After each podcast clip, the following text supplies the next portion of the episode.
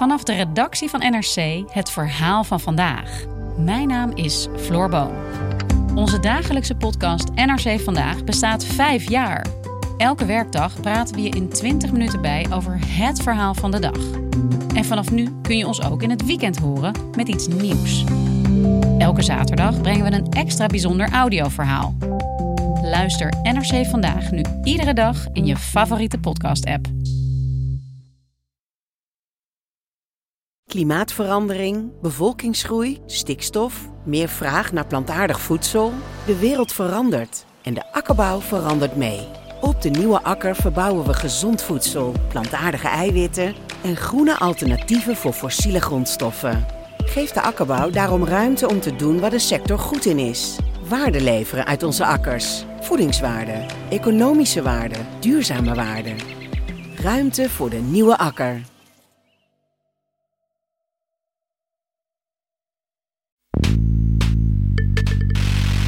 De overheid, door zijn verkokering en door zijn bureaucratie en door zijn traditionele procedures en traditionele processen, vind ik eh, niet, niet, niet snel genoeg, niet, niet flexibel genoeg om eh, in te kunnen spelen op, op maatschappelijke problemen. Een van de dingen die, waar de overheid moeite mee heeft, en dat is een groot verschil met het bedrijfsleven, dat is eh, stoppen als het niet succesvol is. Dit is Betrouwbare Bronnen met Jaap Jansen.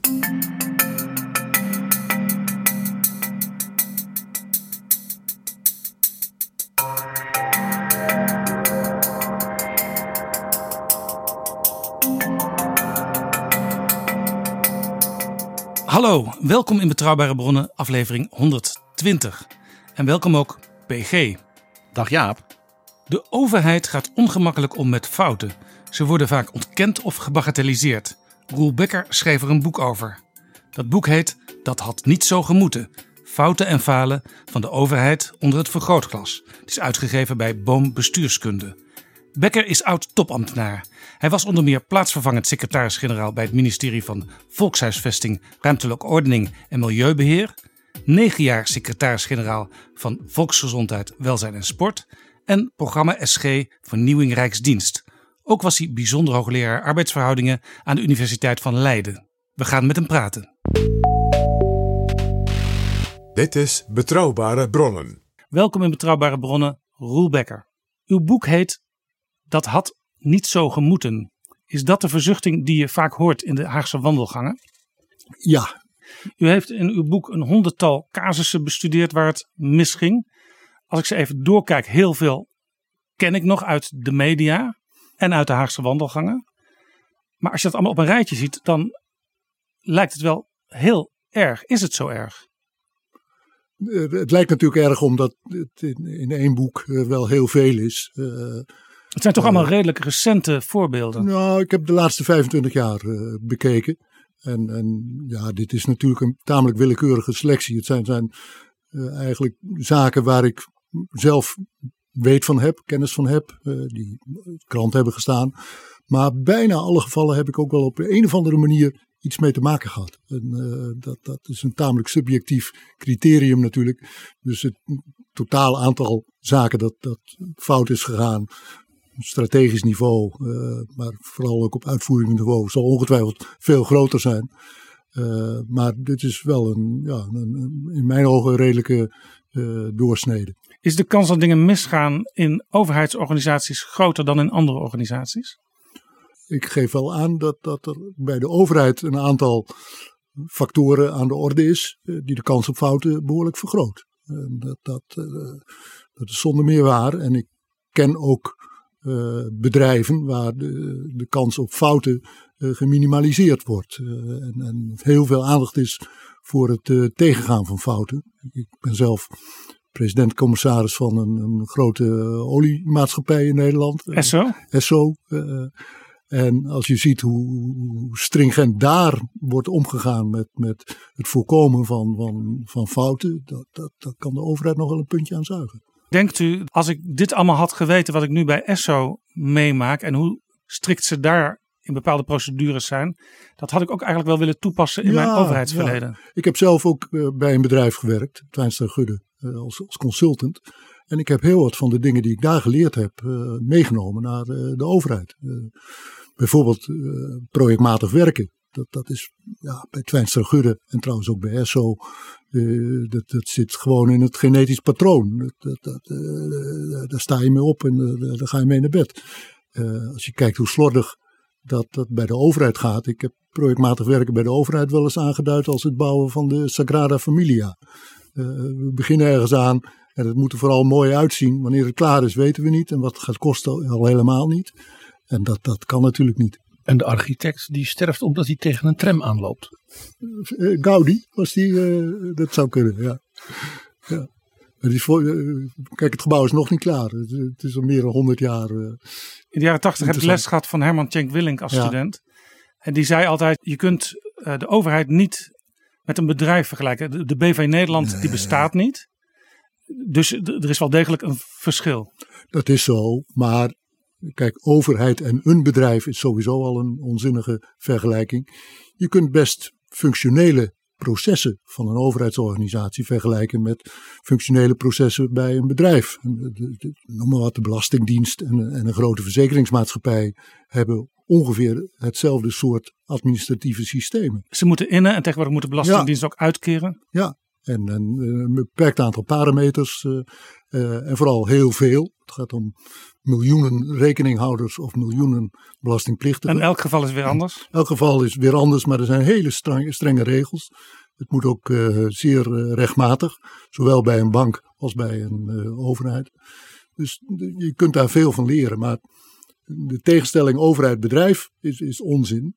Nou is misschien ook een groot verschil tussen overheid en bedrijven of andere organisaties.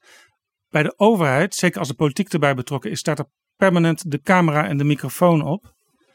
En u schetst een patroon in uw boek. U zegt als er iets misgaat, dan wordt het vaak ontkend of het wordt gebagatelliseerd. Ja, ik denk dat, het iets, iets, dat je het iets breder uh, zou moeten zeggen. Uh, dat, dat kenmerk van de overheid is natuurlijk dat die functioneert in een democratisch staatsbestel. En, en gebaseerd is op, op de grondwet, democratische controle, een politiek systeem dat, dat daarmee belast is, zowel voor de beleidsbepaling als de beleidscontrole. Dat, dat is in die vorm niet aanwezig in, in een bedrijf. Daar heb je weer hele andere dingen. Uh, een aandeelhoudersvergadering en een raad van commissarissen. Dat zijn ook bijzondere fenomenen, maar met name dat politieke systeem is wel, wel een, een, ja, een hele bijzondere factor die, die ook wel, wel verklaart waarom sommige dingen heel ingewikkeld en moeizaam eh, gaan bij de overheid. U zegt ook, de overheid zoomt bij problemen uit. En dan ga je het minder scherp zien. Maar de media en de Tweede Kamer, ja. die zijn juist geneigd om in te zoomen op het probleem. Ja, ja. de overheid heeft de neiging om te zeggen van, van ja, het is wel fout gegaan, maar uh, u moet wel letten op de brede context en hoe moeilijk het was en hoe politiek ingewikkeld. En, en, en Bovendien, het is nog te vroeg om het te kunnen beoordelen. Kijk naar, naar de reactie van de regering op de, de aandrang om te komen tot een evaluatie van de corona-aanpak. Zegt de regering ook, ja, dat is nog veel te vroeg. Dus men, heeft de neiging om uit te zoomen, uh, te nuanceren, te relativeren. Te zeggen, wel, ja, bij ons gaat het niet goed, maar in, in Venezuela of in welk land dan ook, gaat het nog veel slechter. Uh, terwijl de, de, de politiek en, en de media in een soort, soort bijna met elkaar verbonden zijnde twee-eenheid, uh, die, die, die zoomen in. En, die, die, die, die, richten zich op een bepaalde gebeurtenis en, en gaan daar heel gedetailleerd naar kijken. En vervolgens zeggen we ja, dat, uh, het deugt toch allemaal niet. En, uh, en verliezen daarbij dan de, het oog voor de context veelal? Ja, bij uitzoomen en inzoomen hebben beide voordelen en nadelen. In, in het boek kies ik eigenlijk voor de 50 mm lens. dus niet voor de uitzoomlens en niet voor de inzoomlens, maar voor de, de, de 50 mm lens. Gewoon betrouwbaar. een, een een algemeen een nuchter beeld uh, maken en niet de effecten die je krijgt bij uitzoomen of inzoomen. Ik wil graag zo met u gaan kijken naar of er algemene oorzaken te vinden zijn waarop het vaak misgaat in het overheidsapparaat. Wat me ook opviel, zoals u het in, boek, in uw boek beschrijft, toen u ging kijken hoe de overheid functioneert, bij heel veel beleid wordt het doel niet genoemd of het is niet meetbaar. Ja. Dat vind ik eigenlijk ook nogal schokkend als dat bijna een patroon is. Ja, maar dat, dat, dat is toch een duidelijk patroon. En, en de Algemene Rekenkamer, eh, waar, waar ik veel aan heb gehad bij het schrijven van het boek, een heel, heel nuttig eh, en, en goed instituut. Die signaleert dat al, al eh, heel, erg, heel erg lang. En, en soms zijn er geen doelen, soms zijn er geen meetbare doelen. Soms verpakt men het beleid in eh, een aantal ongelijkwaardige doelen. Een leuke categorie vond ik ook dat, dat het doel van het beleid wel wordt eh, bereikt, maar niet door het beleid. Eh, dat Het wordt soort- per ongeluk bereikt. nou ja, in ieder geval door andere factoren. Dat, eh, eh, dat, het is wel, wel vermakelijk om te zien hoe men dan toch als beleidsmaker of als politicus geneigd is om, om te wijzen op de eigen eh, superieure aanpak. Terwijl eh, het vaak demografische factoren zijn of eh, andere factoren die, die, die bepalend zijn. Dat is ook heel menselijk, hè? Dat is heel menselijk, ja. ja. Het goed controleerbaar maken van je beleid maakt je natuurlijk ook kwetsbaar voor, eh, a- voor inzoomen. hè. Dat, eh, dus eh, je, ziet dat men, men nogal eens geneigd is om, om eh, daar, daar, daar wat terughoudend in te zijn. Toen ik begon bij het ministerie van Volkshuisvesting ging het alleen maar over het nieuwbouwprogramma. Nou, dat was, dat was helder. 130.000 woningen per jaar. En waren het er 129.000, dan kreeg je de hele eh, Tweede Kamer eh, over je heen. Dus eh, De Jenevercrisis ja, van het ja, kabinet de Kwaai. ja, ja, ja, ja, dat was net, net voor mijn tijd. Ik, ik, ik ben bij het kabinet De Jong begonnen. Maar toen zat, toen ging dit naar de, naar de piek toe. Maar dat is dus eigenlijk heel prettig voor een, voor een ministerie als je zo'n doel hebt. Nou ja, enerzijds wel. eh, want je, je kunt daarmee eh, ja, iedereen mobiliseren en zeggen van nou, eh, dit gaan we doen. Het doel heiligt de middel. Het leidde trouwens ook naar vervolgens naar die, uiteindelijk die bouwenquête die, die, van Klaas de Vries. Die, die, die de vinger toch wel op de... Ja, want het gaat uiteindelijk om dat getal onder de streep op zo'n moment. Ja, ja. Maar wij hadden natuurlijk bij, ja, ja, we hadden wel bij volkshuisvesting natuurlijk wel, wel een, eh, een hele verdedigingsmechanisme voor het geval de Tweede Kamer zou zeggen van, van ja, eh, je haalt je 130.000 woningen niet. Dan, eh, ja, maar kijk eens, als je volgend jaar erbij neemt en een lange termijn en het ligt aan gebrek aan ruimtelijke ordeningsplannen en we willen toch vooral die woningen in de binnenstad hebben en die zijn er extra duur en, en, en, en het omspringen met, met, met doelen eh, is eh, onderdeel van, van de, de, ja, de politieke gereedschapskist. Ja, uit het voorbeeld blijkt al een beetje. Het gaat in een organisatie, in een politieke omgeving ook om scoringsdrift. Ja. En als er politici bij zijn, gaat het ook om imago en soms om herverkiezing. Ja. Dat maakt, dat maakt het ook heel bijzonder. Ja, in ieder geval bijzonder. Eh, en ik zou zelfs willen zeggen eh, lastig. Eh, en het gaat in toenemende mate natuurlijk om die, die beeldvorming, de scoringsdrift. en, en ook daarbij horende focus op de korte termijn en op beeldvorming. en, en uitstraling als politicus. Hè. Dus je gaat niet, niet, niet als politicus natuurlijk zeggen van nou, dit is allemaal goed gelukt omdat we zo'n voortreffelijke ambtelijke dienst hebben. Eh, nee, het, het is toch vooral de, de, de eigen overtuigingskracht en de communicatie met de maatschappij en de, het vermogen om ambitie te hebben en uit te stijgen boven jezelf en dat soort. eh, En zou het ook kunnen, juist doordat er geen fouten gemaakt mogen worden, Ja, dat ze gemaakt worden? Zonder meer. En, en ook nog iets wat, wat zich eigenlijk eh, niet snel als fout manifesteert, eh, maar wat, wat natuurlijk ook niet goed is, is dat men eh, risico's gaat mijden. Men gaat zich indekken.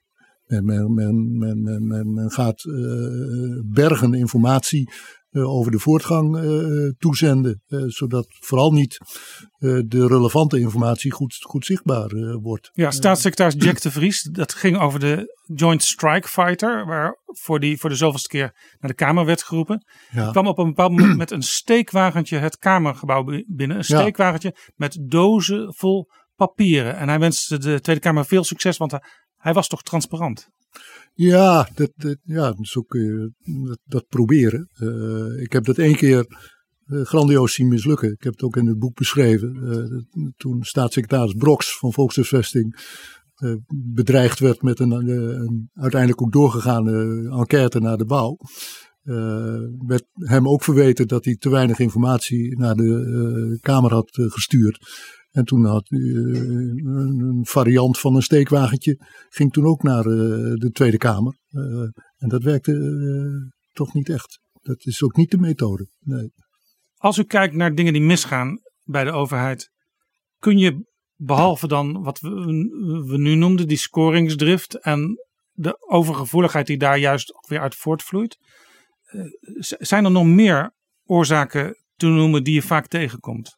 Ik, ik maak zelf de onderverdeling in oorzaken die typisch zijn voor de overheid en oorzaken die horen bij grote organisaties. Ja, misschien kunnen we eerst even die grote organisaties in het algemeen noemen, want dan hebben we dat gehad. Ja, nou ja daar vind ik bijvoorbeeld uh, toch uh, een veel voorkomende oorzaak uh, slecht management.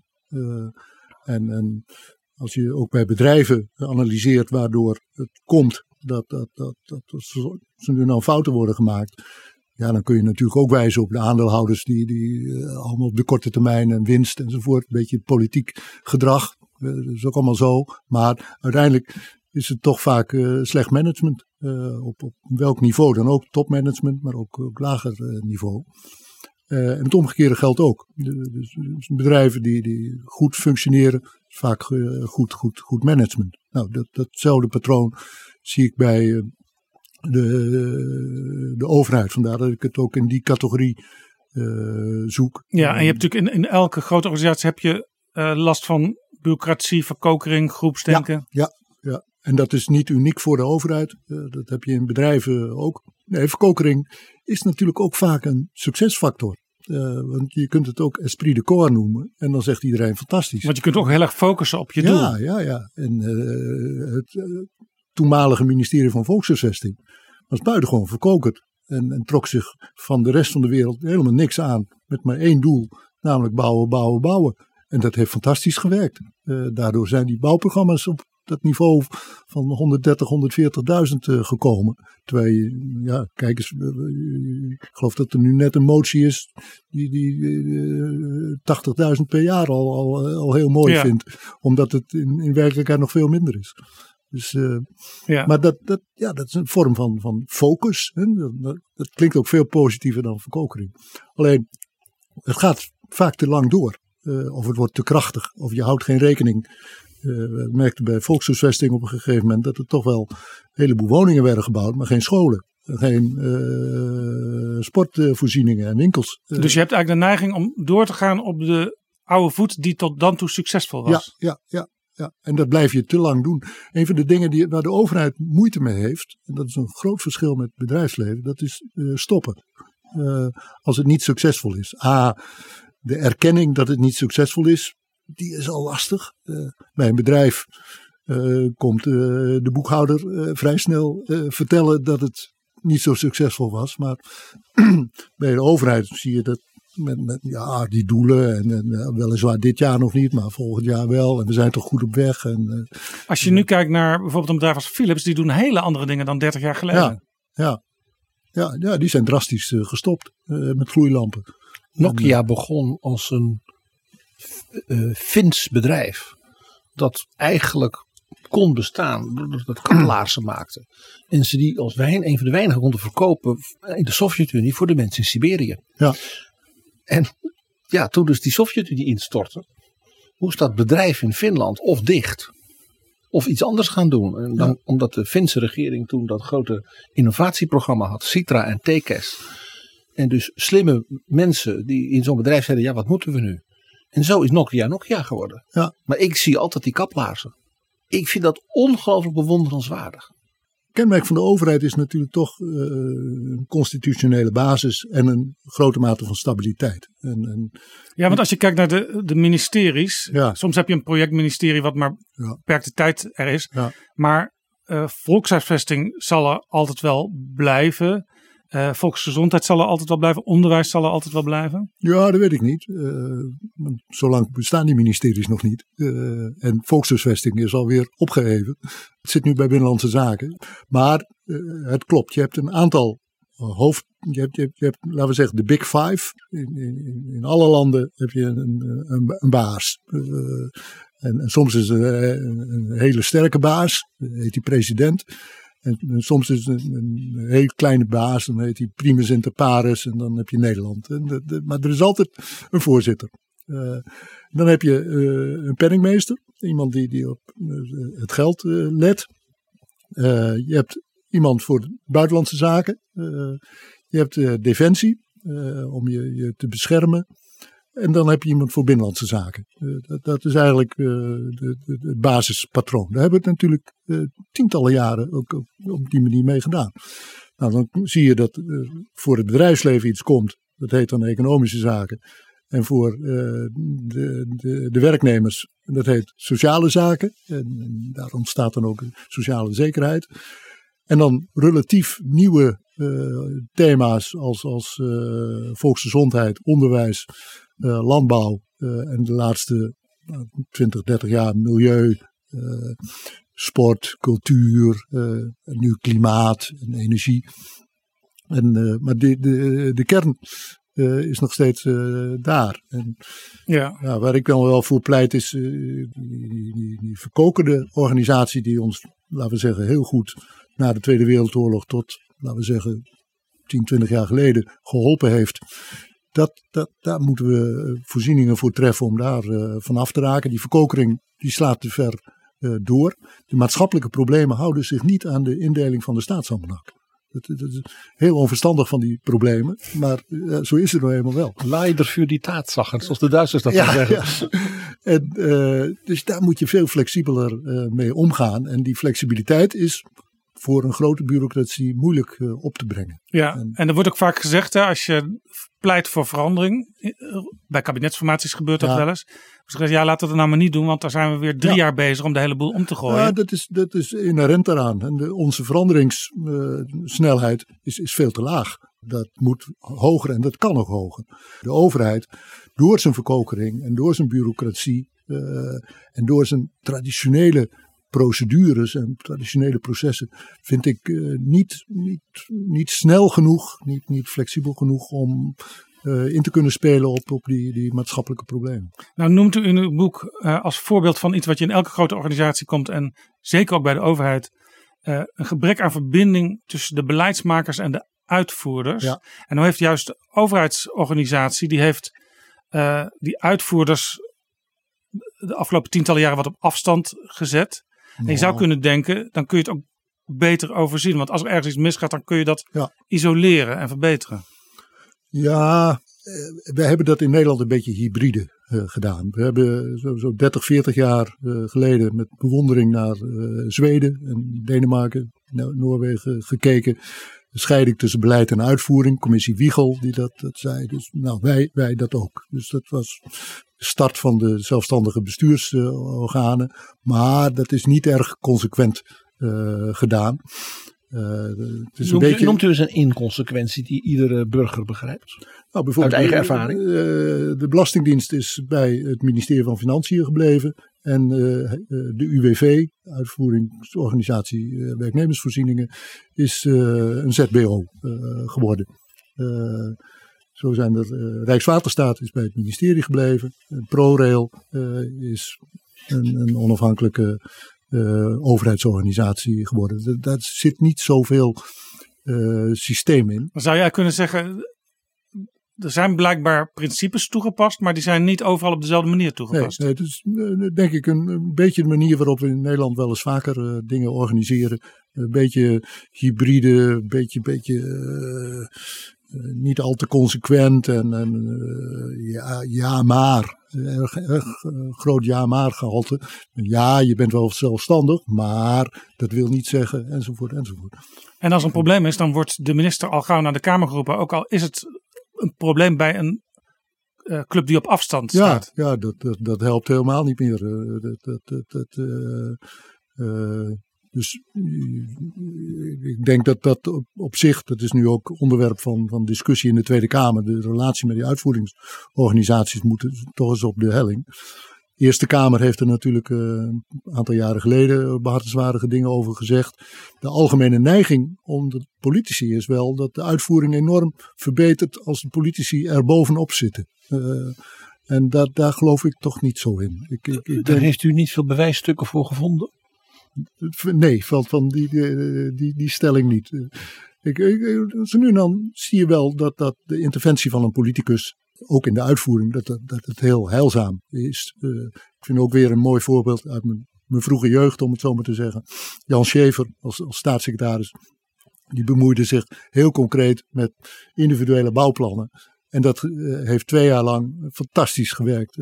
Echt een enorme omslag. Na drie jaar was dat effect uh, uitgewerkt. En na vier jaar was het toch een behoorlijke administratieve chaos uh, geworden. Want ja, ja het kon in het begin werken als zweepslag. Ja, van iedereen gaat aan het werk en weet wat er van hem verwacht wordt. Maar op een gegeven moment moet zo'n bewindspersoon zich dan een beetje terugtrekken. Omdat het functioneert. Klopt. En eh, in, in dat opzicht vind ik ook de Nederlandse uh, gezondheidszorg is wat dat betreft toch wel, wel, wel mooi georganiseerd. Het ministerie van VWS is een relatief klein ministerie. Uh, heeft ook een relatief klein budget. De budget voor de gezondheidszorg uh, staat niet op de begroting van, van VWS, maar een heel klein stukje. het grootste deel zit in, in, premies, verzekeringspremies, dat soort premies die, die, die, die uh, waar het ministerie wel wat over te zeggen heeft. Maar het is toch iets anders dan, dan die budgettaire eindverantwoordelijkheid. Ik heb het altijd heel boeiend gevonden als je inderdaad dus het budget van het ministerie legt naast het stukje academische ziekenhuizen. Ja. Het ministerie van OCW, dat is ongeveer even groot. Ja. ja. En dat zijn dus een paar, natuurlijk heel bijzondere, specialistische ziekenhuizen met onderzoek en alles. Ja. Maar dan heb je eigenlijk, dus de minister van Onderwijs heeft ongeveer net zoveel gezondheidszorgbudget. Uh, als het ministerie als het van VWS. ministerie van VWS, dat ja, ja. Voor, over alle Nederlanders. Ja, en nou heeft in dat geval de minister van Onderwijs er niet zoveel over te zeggen. Uh, nee. En de minister van Volksgezondheid wel. Maar dat is dus een heel interessant dus contrast. Ja, maar het is heel interessant, vind ik, dat je een ministerie hebt dat, dat veel uh, zeggingsmacht heeft, maar niet die, die, die, die ultieme verantwoordelijkheid voor, voor de, de concrete uitvoering. En er zal niemand in zijn hoofd halen om een minister van Volksgezondheid naar de Kamer te roepen als er een operatie uh, verknoeid is. Ja, nou heeft... Oh, u onderschat bepaalde Kamerleden, absoluut. Uh, Zou kunnen. Nou, nou heeft tot nu toe uh, viel dat toch, toch in, wel mee. In het vorige kabinet, staatssecretaris Martin van Rijn, die werd ja. heel vaak naar de Kamer geroepen vanwege de persoonsgebonden budgetten. Ja, dat is wel een voorbeeld. Ja, dat klopt. Hij was natuurlijk verantwoordelijk voor de stelselwijziging die toen is uh, aangebracht. De uitvoering daarvan opgedragen aan de Sociale Verzekeringsbank. En daar, daar heeft zich iets anders voor gedaan, wat je bij fouten bij de overheid ook wel vaak ziet. Dat is toch te haastig. Uh, Sociale Verzekeringsbank is een, is een prima organisatie als het gaat om relatief eenvoudige administratieve handelingen. Dus de AOW, die ik zelf met, met een buitengewoon prijzenswaardige regelmaat heel, heel goed zicht, in, inzichtelijk elke maand krijg. Daar is de, de Sociale Verzekeringsbank heel uh, goed in. Het, het, persoonsgebonden budget was natuurlijk uh, een heleboel priegelwerk. uiterst ingewikkeld, maatwerk, moeilijke gevallen, zielige gevallen. geen enkel geval gelijk. AOW is iedereen gelijk. Althans, is de fictie. Iedereen die, die 65 of wat is de leeftijd is, die, die krijgt hetzelfde bedrag. Alleen maal x miljoen. Dus is dit eigenlijk hetzelfde probleem wat we gezien hebben bij de Belastingdienst met de kindertoeslag? Ja, daar heeft het uh, wel, wel uh, mee. Lijkt het een beetje op. Daar zie je ook nog een andere parallel. persoonsgebonden budget werd uiteindelijk ook heel ingewikkeld, omdat men daar werkte met voorschotten. En het vervelende van voorschotten is dat ze altijd verrekend moeten worden. En dan moet je terugvorderen. Uh, en een voorschot is bijna nooit te weinig. Uh, dus uh, dat, dat is allemaal heel, heel vervelend. Dat zag je bij de PGB, persoonsgebonden budget, als, groot probleem. Bij de, de, de, in ieder geval de kinderopvangtoeslag zag je ook dat die, die, die gewerkt werd met voorschotten. En die moesten dan weer gecorrigeerd worden. En, en miljoenen keren per jaar hoor. Het, het gaat niet om, om geringe aantallen. En bij de Belastingdienst werd ook wel intern gewaarschuwd hè, van kunnen wij dit wel aan? Ja. Deze nieuwe taak. Ja, ik ben daarbij geweest. eh, in, in 2005 ongeveer toen, toen de, de, de zorgtoeslag eh, eh, bedacht werd om het zorgverzekeringsstelsel te redden, om het zo maar te, te zeggen. We, we wilden af van een inkomensafhankelijke premie. En dat moest een nominale premie worden, dus je betaalt wat het kost. Alleen, eh, ja, dan zit je met het probleem dat sommige mensen eh, dat, dat niet kunnen betalen. Dus daar moest een voorziening. En dat werd die zorgtoeslag. Dat was een soort, soort voortzetting van de individuele huursubsidie, waar dat al bij de eh, huren was gebeurd. Individuele huursubsidie was een relatief eenvoudig systeem, waarbij ook een intermediair werd ingeschakeld, namelijk de woningcoöperatie. En, en, eh, vrij- Die heeft er ook het beste zicht op, zou je ja, zeggen. die had, eh, en, en die kon dat ook met, met, met de huurders eh, wel, wel goed plooien. En die bracht gewoon een lagere huur uiteindelijk in rekening. Dus dat, dat, dat, dat ging met heel veel inspanning. Maar ging, ging, met de zorgtoeslag werd het al ingewikkeld. De kinderopvangtoeslag werd het nog een graad, nou, vele graden ingewikkelder. Eh, wat je, ja, dat is bijna onvermijdelijk. Hè? De overheid bouwt ook dit soort stelsels alleen maar uit. Ik heb nog nooit een stelsel gezien dat, dat, dat eh, een beetje kleiner werd. hè. De, je- soms wordt het, en dat heeft Martin van Rijn als staatssecretaris heel goed gedaan, soms wordt het integraal afgeschaft. Dus de, de AWBZ was zo- zo'n stelsel geworden wat, wat volstrekt onbeheersbaar eh, eh, werd. Ja, de Algemene Wet Bijzondere Ziektekosten. Ja, ja, ja, ja. Voor iets heel anders bedoeld dan waar het uiteindelijk voor gebruikt werd. Ik heb het in, de- in het boek ook eh, uitgebreid eh, beschreven.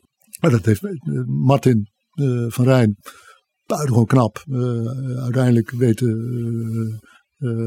te corrigeren. Na al wat voorwerk van, van vorige staatssecretarissen trouwens. En, je hebt Bussemaker en... Ja, ja, dat was ook een beetje de tragiek. Hij moest steeds naar de Kamer komen. Terwijl men dacht in Den Haag, als één iemand zo'n proces kan managen, dan is het Martin van Rijn wel.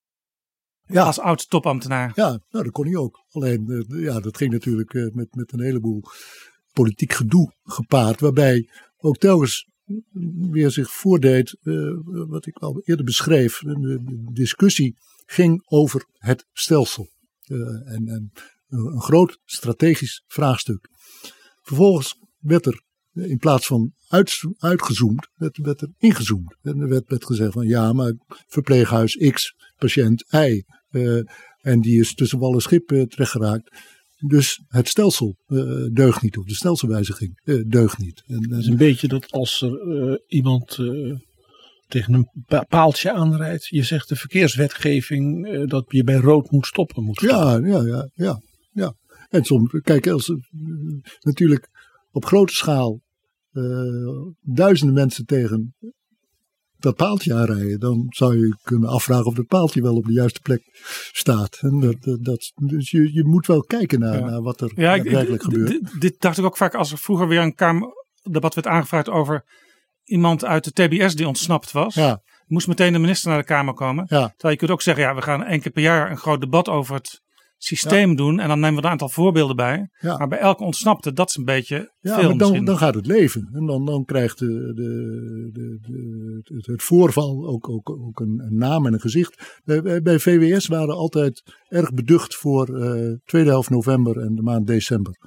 Uh, want dat was altijd de periode van, van de, de, de, de zielige gevallen. De, de, en die werden dan met, met, met, met, nou, met, soms zelfs met foto en al uh, in, in, in, beeld gebracht. Want het werd koud, de kerst kwam het eraan. koud en, en uh, iedereen die, die, die voelde toch dat hart uh, wat, wat groter worden. En de wachtlijsten die zorgden dat die mevrouw haar heup niet kreeg. Nou ja, zulke dingen. Hè? Maar, maar het, het, zat vooral ook in, in de gehandicaptenzorg. En, en, en dus bij ons was altijd een zucht van verlichting als, als uh, de, de, het kerstreces daar was. Want dan, ja, dan, en in januari je, werd er weer met een schone lei begonnen. Ja, de, de, de, januari is sowieso al in, in, in, uh, nooit een interessante maand. dus een stelsel kun je niet laten zien. Uh, en, en de meeste mensen zijn natuurlijk ook niet geïnteresseerd in, in, in de stelsels. Die, die, die, die willen, net als ik, dat, dat, dat, dat elke maand dat, dat geld uh, ja. waar je ja. recht op hebt uh, op, is het, op je rekening staan. Als we even naar de Belastingdienst kijken, is het terecht dat nadat de commissie Donner al had geschreven, er is daar sprake van institutionele vooringenomenheid. Ja. Een vrij zwaar stempel. Ja. Er uiteindelijk ook aangifte is gedaan tegen die dienst. Terwijl misschien niet eens heel duidelijk is of je daar bepaalde mensen wel persoonlijk voor verantwoordelijk kunt stellen. Ja, ik vind het buitengewoon ongelukkig, laat ik het zo zeggen. Uh, ik heb me er ook over verbaasd dat dat na het, uh, zeer degelijke werk van de commissie Donner uh, en de uitgebreide Kamerdiscussies, dat, dat men toen niet gezegd heeft van nou, punt erachter en we gaan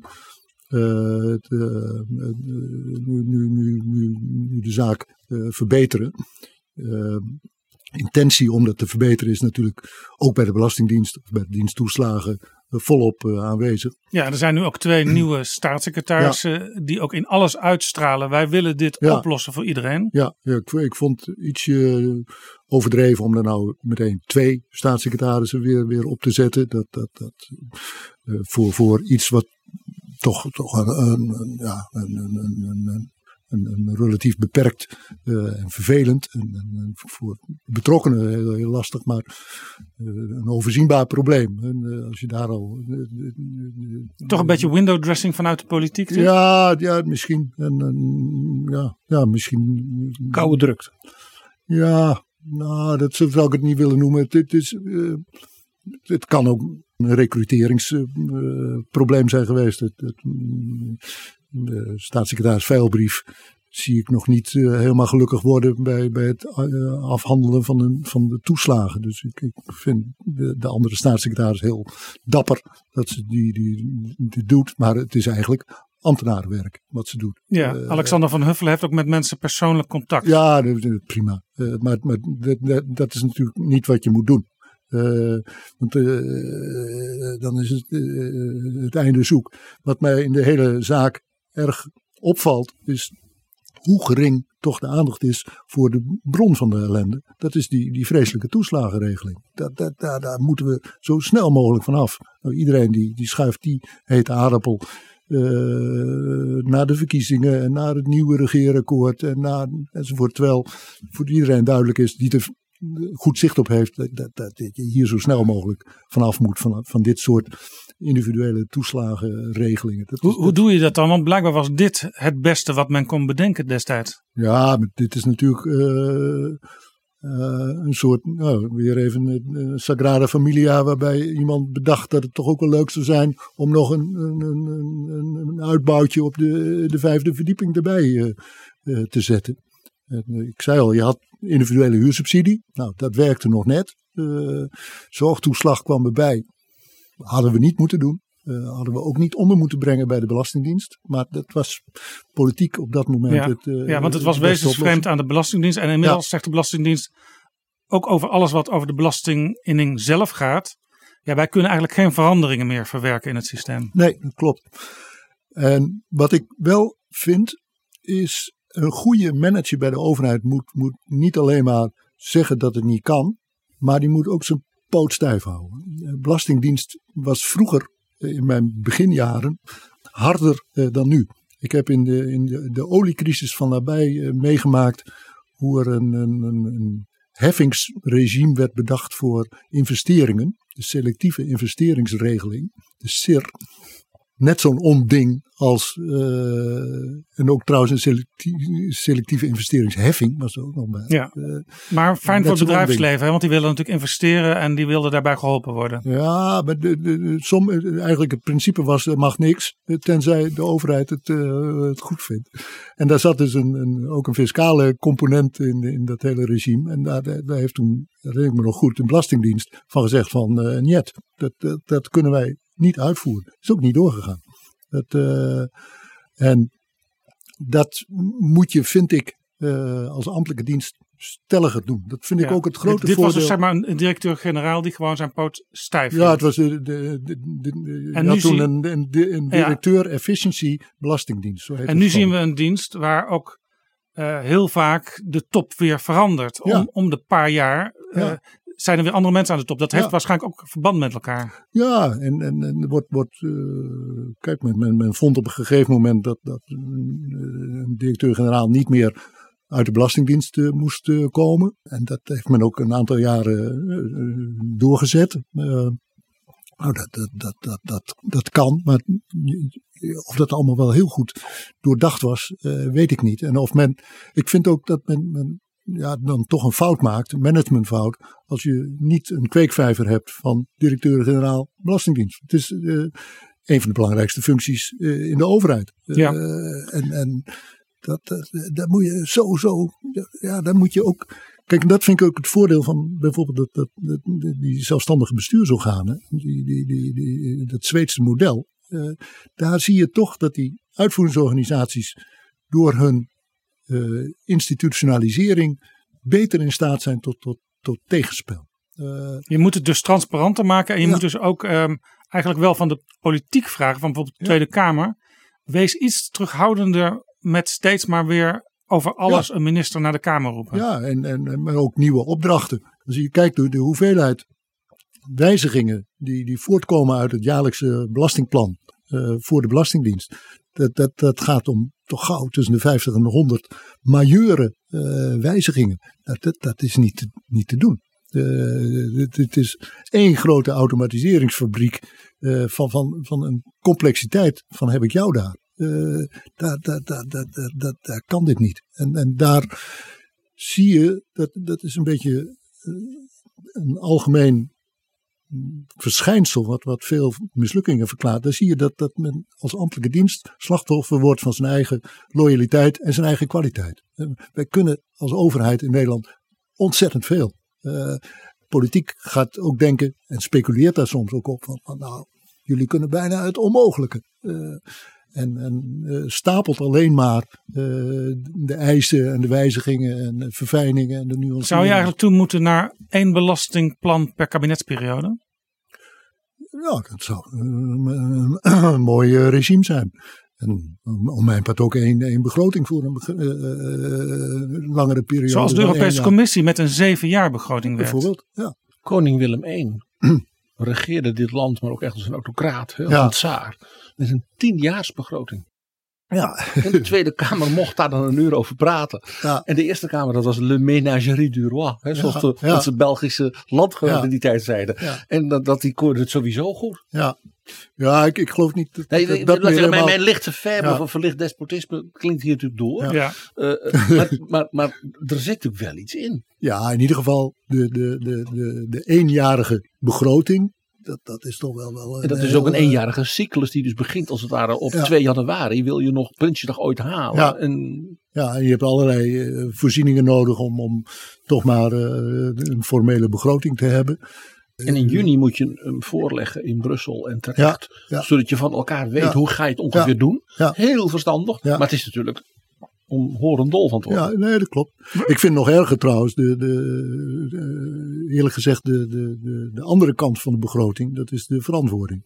Als je ziet de, de geringe aandacht voor de verantwoording, dat hoort ook bij dat, dat proces wat ik in het boek eh, beschrijf. eh, eh, daar praat me maar liever niet over. De- de- Ja, ja, dit is ook waar de rekenkamer ook steeds op wijst. En waar Ja. enkele Tweede Kamerleden, en ze proberen meer zieltjes Ja. te winnen. Maar we hadden onlangs op bezoek in Betrouwbare Bronnen Joost Sneller, Kamerlid D66. En Bart Snels van GroenLinks. Ja, En die moeten ook in hun eigen fractie er steeds op wijzen. Ja, ja. Let heel erg goed op die verantwoording, want dat wordt vaak vergeten. het, het, het spoort trouwens met onze relatief geringe belangstelling eh, voor de uitvoering. Eh, dat, dat, en dan gaat die uitvoering eh, gelukkig in de meeste gevallen heel goed. Eh, dat is- er zijn, zijn voortreffelijke ambtelijke diensten. Eh, er zijn ook heel veel goede managers. Maar er is een, een, een, onderwaardering van, van de uitvoering. Als je Ja. eh, een hoge rang wil halen in de overheid, moet je naar het beleid. En, dan, en je zou ook kunnen zeggen, als je de verslaglegging goed doet, dan is de kans dat het nog beter gaat, die wordt ook vanzelf groter. Ja. Nog even over die Belastingdienst, want er is dus aangifte gedaan. Waar gaat Ja. dat toe leiden? Nou, eh, minimaal eh, tot een, een slechter functionerende belastingdienst. Want dit, dit, dit werkt natuurlijk desastreus uit op eh, de, de, de, de, de spirit van, van de belastingdienst. Met, met, wordt ook bang. Het is een soort horror situatie. Ja, dit is een horror scenario. Kijk, de kans dat het Openbaar Ministerie op korte termijn tot een besluit komt, vind ik, lijkt mij vrij gering. Het Openbaar Ministerie heeft ook nog wel wat andere dingen te doen. Eh, dus dat blijft ook boven de markt eh, hangen. Ja, eh, het is ook, ook merkwaardig om aangifte te doen tegen jezelf. Hè, want de Belastingdienst is onderdeel van het ministerie van Financiën. Ja, en de aangifte is door de secretaris-generaal gedaan. Ja, ja, samen met twee interim directeuren-generaal vond ik ook al een beetje eh, gek. Maar eh, de aangifte is door de secretaris-generaal gedaan namens twee staatssecretarissen. Eh, op basis van, van iets dat de, de minister die eventjes de zaak waarnam had toegezegd, namelijk een second opinion. Eh, die, die Ja, minister is- Hoekstra. ja, minister Hoekstra. De Kamer was ineens heel blij, want hij deed allerlei toezeggingen. ja, de- de- de- en hij wist ook van, van nou, ik, eh, ik ben niet degene die straks eh, eh, gehouden wordt. aan- Ja, aan- maar aan u ziet ook dit dus eigenlijk net als die benoeming van niet één, maar twee staatssecretarissen. Als een overdreven reactie op wat er is misgegaan. Ja, ja, ja, ja, ja. En, en, en ook ik ben verbaasd. Zo'n second opinion wordt dan eh, opgedragen aan een advocaat. Die daar een, een rekening van 167.000 euro voor, voor stuurt. Snel verdiend. Eh, ja, als je kijkt hoeveel misbaar de Tweede Kamer maakt. eh, als er externen meer dan, dan, dan 1500 euro per dag verdienen. En je ziet het, dit- dit- wat, wat, hier is Ja, gegaan. dan zijn het soms dezelfde Kamerleden die nu dachten, Ja, nou ja, ja, prima ja, dat het zo gaat. Ja, en maar wat me ook verbaasde was het, eh, het advies. Het is een, een keurig net juridisch eh, rapport hoor. Eh, niks, niks, niks, niks mis mee. Heel interessant om te lezen hoe de- die, die wetsgeschiedenis was. Er staan ook allerlei voorbehouden in. Van, van, eh, nou, zoals advocaten natuurlijk altijd hun, hun stukken voorzien van, van de nodige Ja. voorbehouden. En met zo'n rapport kon bijna niet anders dan de conclusie worden getrokken van we gaan aangifte doen. Ja, maar eh, eh, ik vond al heel gek eh, dat op dezelfde dag dat het rapport werd uitgebracht, die aangifte al plaatsvond. Kijk, als je een second opinion is niet een bindend advies.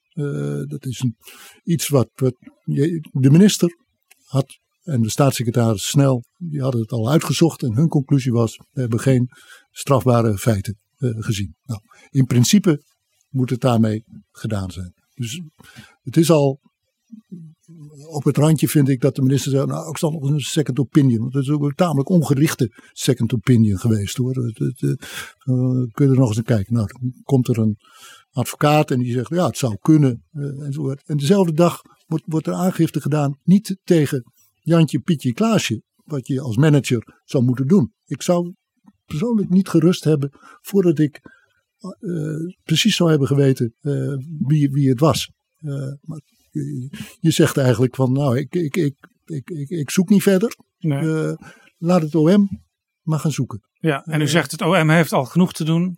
Dit komt er dan allemaal nog bij. Ja, en, en, en de- in de, ik kan me heel goed voorstellen dat in de prioriteitenafweging van, van het Openbaar Ministerie, eh, zware criminaliteit en dergelijke, iets hogere prioriteit. Dus de, zal ongetwijfeld wel een aankomende eh, officier van justitie eh, dit dossier krijgen. Zo, joh, Ja. eh, duik daar eens in. Nou is natuurlijk heel veel boosheid in de Tweede Kamer is bevorderd doordat de Kamer vaak niet correct geïnformeerd werd. En dat ging zelfs door tot het niet correct informeren bleek vorige week van de commissie Donner. Dat bleek een cruciaal stuk ook voor de commissie Donner niet bekend te zijn. En daar werden ehm Renske Leijten, Kamerlid van de SP, en Pieter Omtzigt, Kamerlid van het CDA, eh, die werden daar heel erg woest over vorige week. Er werd in augustus besloten, we laten die ouders, ook al weten we dat het onterecht is, creperen onder beslag. Voorzitter, gekker moet het niet worden. En dan is deze notitie niet naar de commissie Donner gegaan. Ja. Ik zie het aan u. Al die keren dat ik daarvoor op heb gevraagd. Al die keren dat die ouders op de televisie moesten met hun sores. Weet je hoe ze zich afgelopen weekend voelden? Ze hadden er geen, echt geen hoop meer op dat er nog iets zou veranderen. Het lukt niet. Het lukt niet. We hebben ons ingezet en ook de staatssecretaris heeft zich ingezet om het opzetgolvenschuld geregeld te krijgen. Maar we worden permanent, permanent niet geïnformeerd. We kunnen onze taak niet doen. We kunnen niet rechtzetten wat er fout gaat. Het is echt, ik ben, nou ja, laat maar. De heer Omtzigt. Voorzitter, ik kan mezelf moeilijk bedwingen. Dit is echt heel pijnlijk. Is dat dan terecht dat die Kamerleden daar zo boos over zijn? Want uit wat u tot nu toe zei, blijkt eigenlijk, er is heel veel misgegaan. Er moet nu een ander stelsel komen, maar laat dat dan even gebeuren. Ja, ik, eh, ik kan me wel voorstellen, de Kamerleden die zich zo hebben vastgebeten in deze zaak. eh, en die dan geconfronteerd worden met een document dat ze niet kenden en dat ze graag gezien hadden. Dat die boos eh, worden. Ja, ze werden zelfs emotioneel. Ja, dat, dat, dat, dat, dat, dat, dat, dat, zag ik en dat hoorde ik.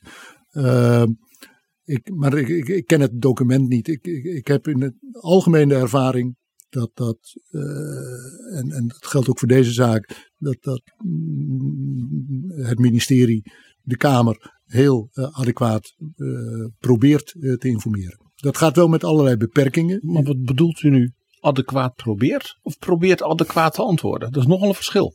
De, de, de, de, intentie van het ministerie is om de, de Kamer adequaat te informeren. Dat, Maar eh, eh, een goed Calvinist gelooft niet in, het, in, de, in goede intenties. Nee, dat, eh, dat, je ziet dat Calvinisme hier die, die misschien ook wel een, een rol speelt bij de, de twee eh, Kamerleden. Ik zou niet eens Omtzigt is een hele goede katholiek. wie. Omtzigt? Pieter Omtzigt Oh, is een hele goede uit katholiek. de Twentse, de, ja, de katholieke enclave in, in, in, in, Twente. Nou, maar de, ja. Dus ik, ik, ik twijfel er niet aan. En ik, ik denk ook dat de, de, de, geweest is binnen het ministerie van, van eh, liever een stuk extra naar de Kamer dan, dan een stuk eh, te weinig. Eh, men heeft wel, wel wat onhandig zitten te prutsen natuurlijk in de tijd met, met de, de andere eis, eh, namelijk privacy enzovoort. Dus dan kreeg je dat, dat zwartlakken van die, die, die openbaar te maken. Dat, ja, dat vond ik allemaal niet handig. Je had ook de Kamer misschien, als het ging om vertrouwelijke informatie, had je op een andere manier Ja. kunnen Ja, informeren. vaak zijn het ook journalisten. Dat, daar wordt in de Ja. Kamer ook over geklaagd. Dat de- de journalisten die het Ja. uiteindelijk boven water krijgen. Ja. Vindt u, want u heeft zoveel ervaring in de Rijksoverheid. Ja. U bent plaatsvangend SG geweest. U bent SG geweest. U bent van alles geweest. U zag natuurlijk ook vaak de wet openbaarheid bestuur Ja. langskomen. Vindt u dat die tegenwoordig oprecht genoeg wordt toegepast? Of is de overheid ook hier te angsthazig? Kijk, die, die, die, die wet openbaar het bestuur, die, die, die eh, is er nu een jaar of veertig, eh, zoiets. Eh, daar had, heb ik zo nu dan behoorlijk last van eh, gehad. Want er zijn natuurlijk altijd wel, wel dingen eh, waarvan je eh, hoopt dat er niet al te concreet naar gevraagd wordt. Ja, zo, zo, zo, zo werkt dat. Maar we zien nu heel vaak dat twee derde van de pagina's zwart gelakt wordt. Dat zien we heel Ah, vaak. Dat was vroeger ook zo. Dat, ik herinner me, we hadden, wij kregen buitengewoon veel WOP-verzoeken voor de Voedsel- en Warenautoriteit. En dat waren in heel, heel veel gevallen eh, documenten waarin bedrijfsprocessen van een bepaald bedrijf uitvoerig werden beschreven. En de aanvrager was een concurrerend bedrijf. Ja. Eh, maar dat, dan begrijp ik wel dat het logisch Ja. is dat je dat allemaal ja, niet... maar eh, zulke dingen. Kijk, een, een privacy en, en je hebt het, de persoonlijke beleidsopvatting. Ik, ik denk ook dat, dat, dat je wel in de gaten moet houden dat, dat als ambtenaren er rekening mee moeten gaan houden dat hun advies of hun opvattingen in Of de krant hun, komen. of hun appjes. of hun appjes, eh, dat ze dan eh, toch eventjes eh, nadenken van, van zal ik het wel op papier zetten? Of, of zal ik het in, in een appje doen? Dat, dus je moet, ik, ik ik denk wel een herijking, herijking van, van die, die, die, de WOP op, op, zich nuttig, maar eh, die, die, die WOP, eh, ja, eh, dat is onderdeel ook van een, van een, van een spel. En, Ja. journalisten klagen al, ja, we, we moesten zo lang wachten. En je kunt, kunt tegenwoordig krijgen, geloof ik, zelfs compensatie als je niet op tijd En er zijn, zijn mensen, uh, dat is toch het geval van die, die, die ene burger die, die, die gewoon, gewoon een behoorlijk salaris verdiende doordat hij elke keer ja. Compensatie kreeg voor het ja, ik, te laat. Uh, ik, ik hoor het, u vindt het de praktijk te, te ver uh, doorgeslagen. Ja, maar ik vind het niet dramatisch. Nee. Ik, ik vind die WOP, uh, de, de, de, ja. Dit is Betrouwbare Bronnen, een podcast met betrouwbare bronnen. We keken net naar de Belastingdienst. Dat Ja. was altijd een zeer gerespecteerde dienst. Ja. Die heel goed functioneerde. Nog steeds. Dat, dat geldt ook voor het ministerie van Justitie. hè. Dat had ook een hele grote, hoge reputatie.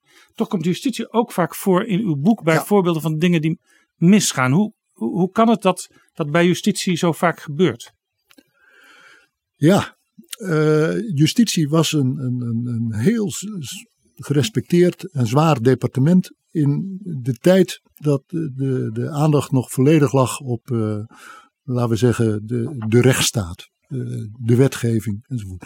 Justitie was ook interessant georganiseerd, had geen directeur-generaal, eh, maar had een secretaris-generaal en een tamelijk platte eh, organisatie. eh, en verder een aantal grote uitvoeringsdiensten. eh En heel veel academici. Ja, ja. allemaal- Vergeleken bij andere ministeries. Ja, ja, ja, zeker. En, en, en hele goede En vooral en- juristen ook. juristen. Fantastische eh, stelsels, eh, het burgerlijk wetboek, eh, wetboek van strafrecht. nou, dat soort, soort zaken. Dat, dat, dat was. Op een gegeven moment is justitie een, zeg maar, gewoon ministerie geworden. Een welvaartsministerie. Aanvankelijk nog naast die, die, dat, die sterke juridische profilering, maar gaandeweg eh, steeds sterker met ook bovendien eh, Waar, waar, waar- waar blijkt dat gewone dan uit wat er aan toegevoegd werd? allerlei uitvoeringsdiensten, eh Raad voor de Kinderbescherming, eh, dienst justitiële eh, instellingen, gevangenissen. eh, gevangenissen, eh, IND, eh,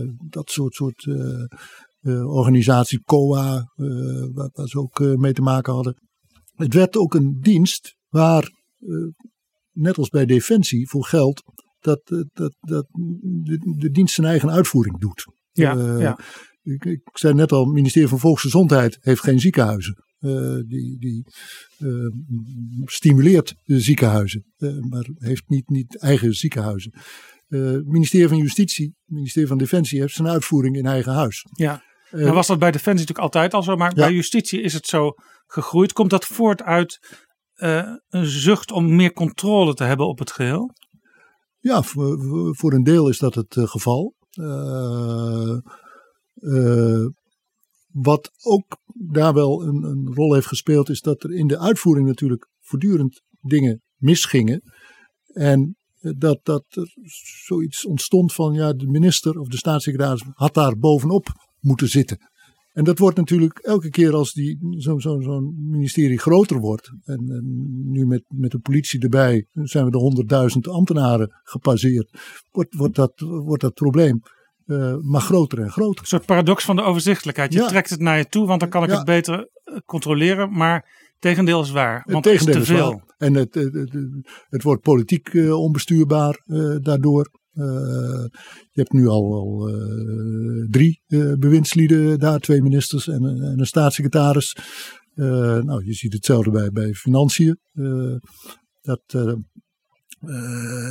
illusie bestaat ook dat, dat ja, die, die, die, die, minister alles weet. Hè, dat als gevraagd wordt naar een bonnetje, dat hij zegt van ja, dat ligt in laadje dat.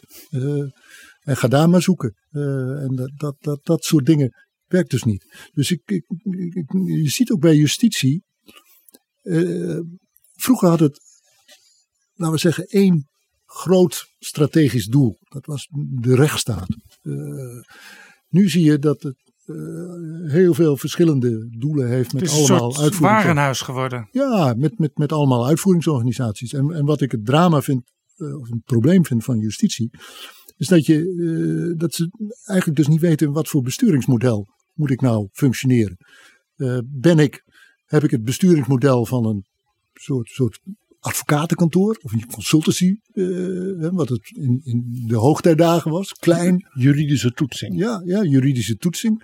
het kerndepartement van justitie is ook niet zo vreselijk groot. Hè? Dat, dat, dat, eh, dus dat, dat leek eerlijk gezegd wel een beetje op, op volksgezondheid. Hè? Hoofdlijnen eh, en de uitvoering eh, op afstand. Ja, dat, dat vereist een bepaald besturingsmodel, heel geïntegreerd, hè, geen hokjes, eh, dat kan ook als het maar klein is. Heb je een grote serie uitvoeringsorganisaties van, van duizenden eh, eh, ambtenaren. Dan En heb je miljoenen, al- en miljoenen burgers. en miljoenen burgers ook nog eens. Maar dan, dan heb je een heel ander besturingsmodel. Ja, en dit, nodig. dit is natuurlijk nog vergroot als potentieel probleem door politie aan Ja. justitie toe te ja, voegen. ja, ja, ja, ja. Dat is eh, zonder meer. eh, eh, En dan ook nog weer een reorganisatie van de politie in gang Nou zetten. ja, ja, de zoveelste. Kijk, dat is een ander probleem wat zich bij de overheid voordoet. Dat, dat de, de, de, in plaats van flexibel en veranderbaar, is men in permanente staat van verbouwing. En, en dat, de- de- de- ja, dat moet eens een keer wat minder worden, om het zo maar te zeggen. Ja, u- maar als ik u goed begrijp, het, hele verhaal tot nu toe, je moet het eigenlijk overzichtelijker maken door het meer in partjes te knippen, maar geen grote molochen. Dat, dat Nee. werkt niet. En een, goed onderscheid tussen beleid. Ik zou beleid veel meer willen integreren. Dat is veel te verkokerd. Groeit ook als kool. Ik zag net in de jaarrapportage van eh, de bedrijfsvoering van de Rijks, Rijksoverheid. Dat, dat eh, de, de, eh, het beleidsdeel nu 12.000 ambtenaren eh, kent. Toen ik vertrok waren het er 10.000. En het plan van de secretaris-generaal, waar ik toen verantwoordelijk, verantwoordelijk voor was, was om het terug te brengen naar 7500. Er is geen, geen moer van terechtgekomen. De, de, Het is een soort konijnenhol. ja, ja, en dan, dan wel in, in, in de paringstijd. Eh, dat, het is gegroeid als kool. En Ondanks Dat, de ICT. Ja, nou ja, ICT heeft voor zeg maar, het beleidsproces natuurlijk niet, niet zoveel efficiëntiewinst. eh, Nee, die zou, ICT is meer uitvoering, denk ik, uitvoering. PG. Ja. Ja, dat zeg je nou. Maar men heeft het ook niet echt geprobeerd. Nee, en er wordt natuurlijk eh, met, met kennissystemen en zo eh, wel iets. Maar ja, dat, dat- toch het, eh, het vak had- van beleidsambtenaar, eh, dat is toch vooral nadenken. Eh, Maar u had het over justitie. ja, Daar kwam de politie bij. De Ja. gevangenissen. Ik moest onmiddellijk aan ons gesprek eh Betrouwbare 192 met Eduard Schmid over zijn proefschrift. Over hoe gevangenissen met het ministerie, maar ook met de Ja. commissaris des Konings. En het spel dat daar gespeeld werd. ja, Dat heeft alles met wat u zat te Ja, vertellen hij te schreef een proefschrift over hoe bij de Rijksoverheid bezuinigd ja, ja, wordt. ja, ik ken hem goed. En hoe diensten dan Ja. eh, op allerlei manieren proberen daar toch hun eigen draai aan te Ja, geven. ja, dat is ook zo. En hij had heel mooi dus met En de gevangenissen als, als interessant- casus. En toen, zagen wij uw boek. En toen, ja. Ja. Kijk, justitie eh, kon daar ook zeker eh, aanvankelijk helemaal niet mee omgaan. Die, die, die, het, het aansturen van slimme, de mazen van het wet zoekende uitvoeringsdiensten, dat is een vak apart. Je ziet hetzelfde drama bij, bij het ministerie van Financiën. Het ministerie van Financiën bestaat uit twee componenten die helemaal niets met elkaar te maken hebben. Een beleidsdeel, eh, hoogwaardige denkers, eh, macro-economen enzovoort, enzovoort. En de Belastingdienst, de uitvoering. Nou, de illusie is dat, dat, dat die beleidsmensen dat uit, die uitvoering eh, al, allemaal goed kunnen eh, volgen. Dat, dat, is natuurlijk, het is een, een, een, gewoon een, geval apart. Je, je moet dat soort grote uitvoeringsdiensten ook apart eh, organiseren. Dat, eh, en, en een grotere eh, eh, status apart te geven. Het kan best een politieke eindverantwoordelijke, maar maak dan ook een politieke eindverantwoordelijke daarvoor. PG stipt aan ICT bij de overheid. Ja. Daar zijn ook onderzoeken geweest. Hè. Er is een commissie onder leiding van Kamerlid Ton Elias geweest. Ja. En als je naar die honderd casussen in uw boek kijkt. Ja. Ja, Je struikelt over eh, communicatiesystemen van honderden miljoenen waar niemand mee kan communiceren. Bijvoorbeeld bij justitie, bijvoorbeeld Ja. bij politie. Als er in Nederland een grote aanslag zou komen, dan gaan we dat merken. ja. Eh, eh, en het is niet alleen maar één dingetje, het is een eindeloze lijst. Wat is daar nou het echte probleem? Ja, dat, dat, dat, dat, eh, was het maar één probleem. Het is wat, wat ingewikkelder. En ik heb mijn eigen portie eh, fouten eh, in dat opzicht ook wel eh, gemaakt als het gaat om ICT. Het is Wat, wat, natuurlijk, wat, heeft, wat kunt u ons vertellen aan de lessen van die streamen op uw rug? een van de belangrijkste lessen is, begin er niet aan. Doe, het, doe het niet. En als je het al doet, neem dan uitgebreide tijd en laat je niet in het pak naaien van, van de, de krappe termijnen en de heroïsche toezeggingen. Uh, ik zag net weer in, in diezelfde jaarrapportage bedrijfsvoering Rijk een overzichtje van de, de, de, de totale overzicht van de grote ICT-projecten. Reus interessant uh, overzicht met ook een aanduiding van hoeveel uh, er uit de tijd lopen en uit het budget. Dat is schandalig veel. dat, dat, dat lijkt bijna gewoon te worden. En dat mag natuurlijk niet. Maar wacht even, want hier moet ik toch even misschien u bestraffend toespreken. Jaap, gedraag je een jong iemand die nu aan het werk gaat, ook iemand die bij de overheid gaat werken, die doet eigenlijk alles de hele dag met zijn iPhone, met zijn iPad, met zijn laptop. Uh, maar ook een politieagent, die heeft zo'n apparaatje bij zich waarin die heel snel heel veel informatie wil kunnen opzoeken en ja. verwerken. Je ontkomt dus niet meer in 2020 aan ICT op alle niveaus. Nee, dat klopt. En alleen voorbeeld van die politie is wel, wel, wel, wel, goed. Ik kan me dat voorstellen dat het uh, heel, heel handig is. Uh, wij hadden dat bij de Voedsel- en Warenautoriteit in, in, mijn tijd ook al. Elke inspecteur had een laptopje bij zich en alle informatie. Hartstikke goed informatiesysteem. Maar zorg dat het 100% goed werkt. ik vind dat men veel te veel op pad wordt gestuurd als een soort invoeringsprogramma half functionerende software, uh, apparaten die het niet goed doen. Uh, men is lang niet Het is in feite genoeg. alsof je een nieuw gebouw intrekt waar nog geen dak op zit. Ja, ja, ja. En, uh, men is lang niet kritisch genoeg. een beetje incrementeel opdoen van leerervaringen. een, ja, het is weliswaar mislukt, maar het was een experiment. En een experiment moet mislukken, want anders heb je de, dat soort slappe verhalen. dat, dat soort dingen daar vind ik het bedrijfsleven echt uh, veel strakker in. Daar, daar, gaan natuurlijk ook, ook regelmatig dingen mis, maar, maar uh, het lijkt, vind, ik vind het allemaal nog veel te vrijblijvend. als je kijkt naar de hoeveelheid geld, er wordt nu bij het Rijk alleen al per jaar een miljard euro aan, aan ICT uitgegeven. Dat, dat, en als je kijkt wie, wie, wie, wie dat dan doen en welke projecten dat zijn, en elke keer maar weer het wiel uitvinden. Nooit zullen we iets overnemen van een ander ministerie of van een, een particuliere organisatie. Want uh, wij, wij, staan voor een unieke opgave. Nou, uh, ik denk, uh, het leeft ook niet, niet op het, het hoogste niveau. in het kabinet komt het niet aan de orde. behalve als Elias als het misgaat. ja, als een vervelend rapport uitbrengt of een, een project misgaat. Het, secretaris-generaal uh, hebben, er, hebben, we in, hebben, we, hebben we in het volgende kabinet een tijdelijke minister van ICT nodig of juist niet? Nee, juist niet. Ik denk dat, dat een van de vervelende dingen van ICT is dat het gezien werd als iets aparts.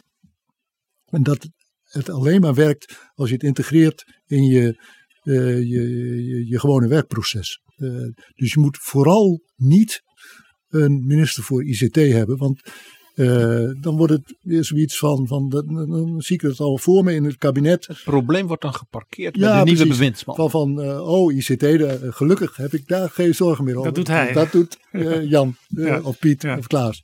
En dat is de, de dood in de pot. Nee, je, je moet, vind ik wel, heel kritisch zijn. ICT geeft natuurlijk fantastische mogelijkheden. Het vervelende bij de grote stelsels is dat, dat het lijkt alsof we via ICT uh, grote stelsels uh, kunnen uh, opzetten en, en beheren. Terwijl dat niet zo is. de essentie denk, moet eenvoudig blijven. Ja, het moet, moet eenvoudiger. Dus, het instrument wordt het doel. Ja, ja, ja, maar het wordt ook een vijand. Dan het, wordt het dat vanzelf. Het, het, het, het, het, zet je op het verkeerde been. Het suggereert dat, dat je het onmogelijke kunt. En, ja. en dan krijg je toch toeslagen. Beleidshubris. Ja, ja, beleidshubris. Dit is Betrouwbare Bronnen.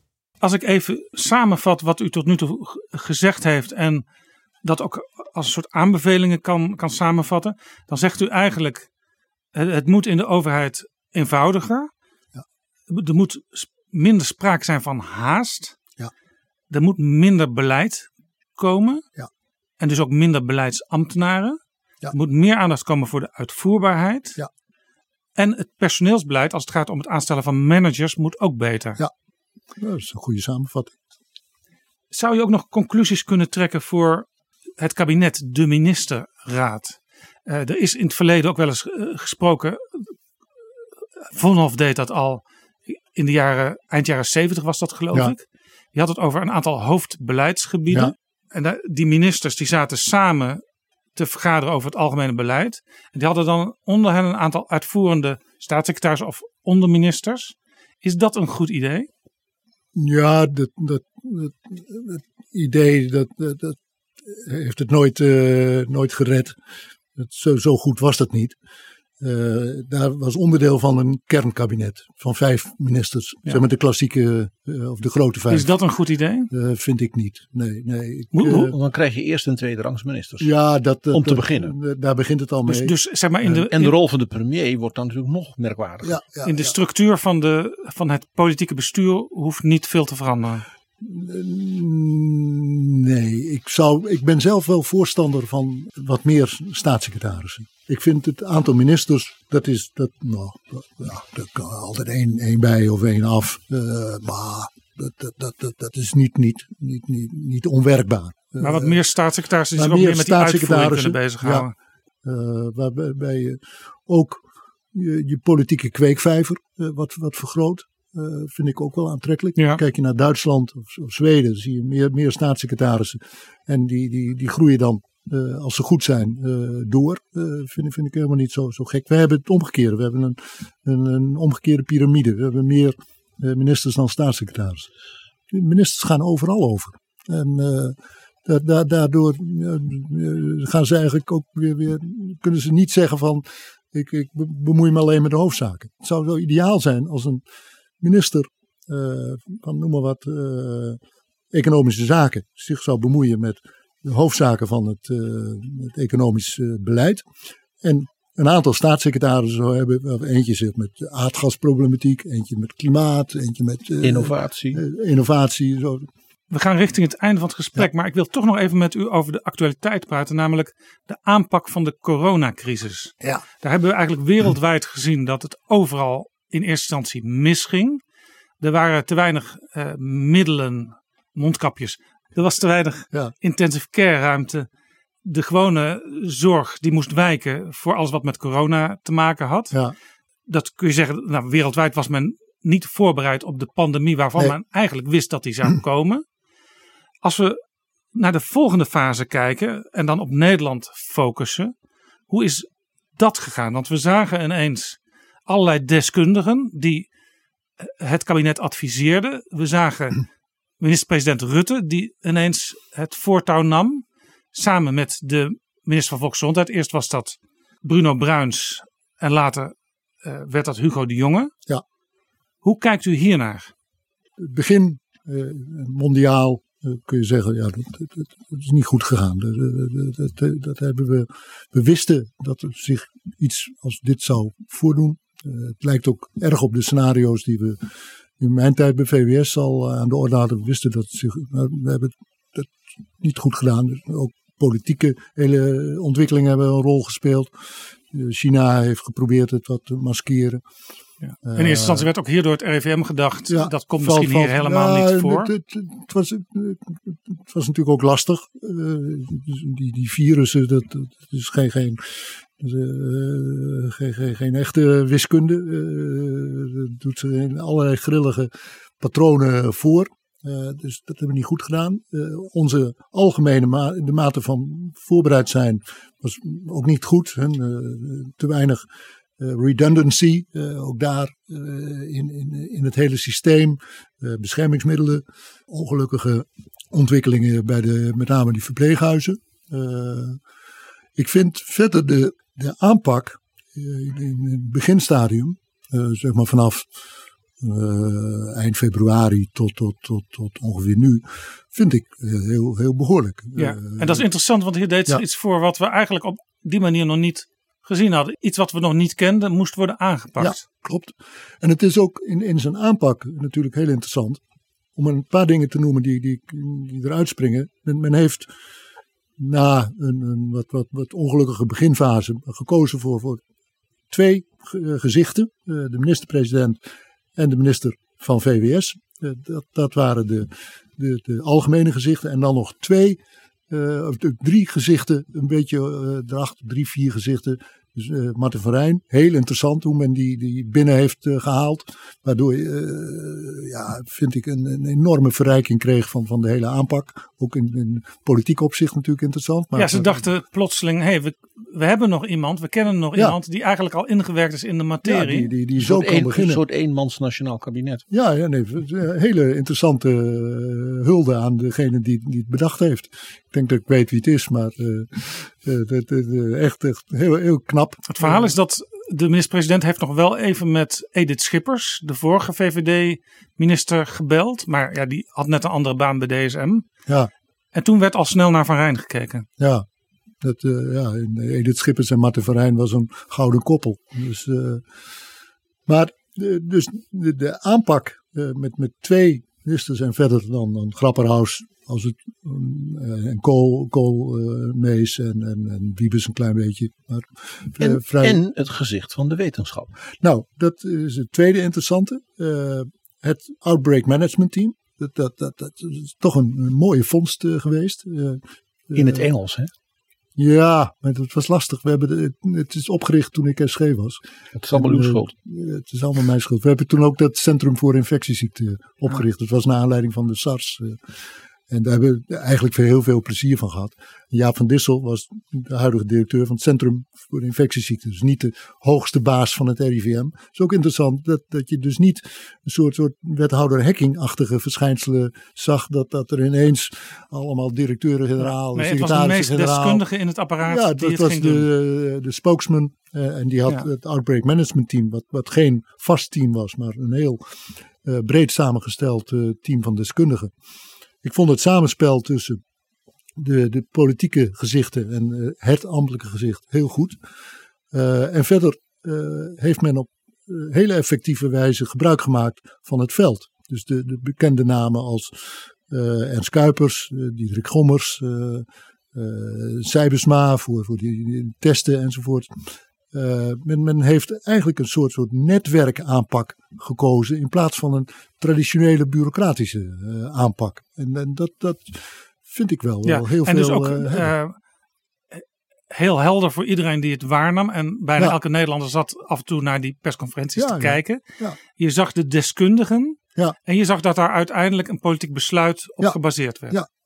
En dat, dat, eh, dat Dus de verantwoordelijkheden die waren ook duidelijk. Ja, was, eh, in mijn ogen heel helder. En ik heb eh, het is vergeleken met, met de aanpak in, in België, Frankrijk, Verenigd Koninkrijk. Nou, Verenigde Staten wil ik het er helemaal niet over hebben. Duitsland, Zweden. En dan vind ik toch in, in, in- ons land de, de aanpak heel, heel ja, interessant en, en effectief. Juist door dat, dat, laten we zeggen, hele flexibele karakter. Samenvattend, wat er, mis, wat er internationaal mis is gegaan, nou ja, daar kunnen we van leren. Dat kunnen we voor Ja. zorgen dat er volgende keer wel voorraden zijn. Volgende keer wel Ja. voldoende capaciteit is. De directe aanpak met die deskundigen in dat outbreak management team. En een heel klein aantal bewindslieden die de belangrijke besluiten uiteindelijk nemen. Ja. Dat is dus goed gegaan. Dat moeten we de volgende keer ook weer op zo'n Ja. manier doen.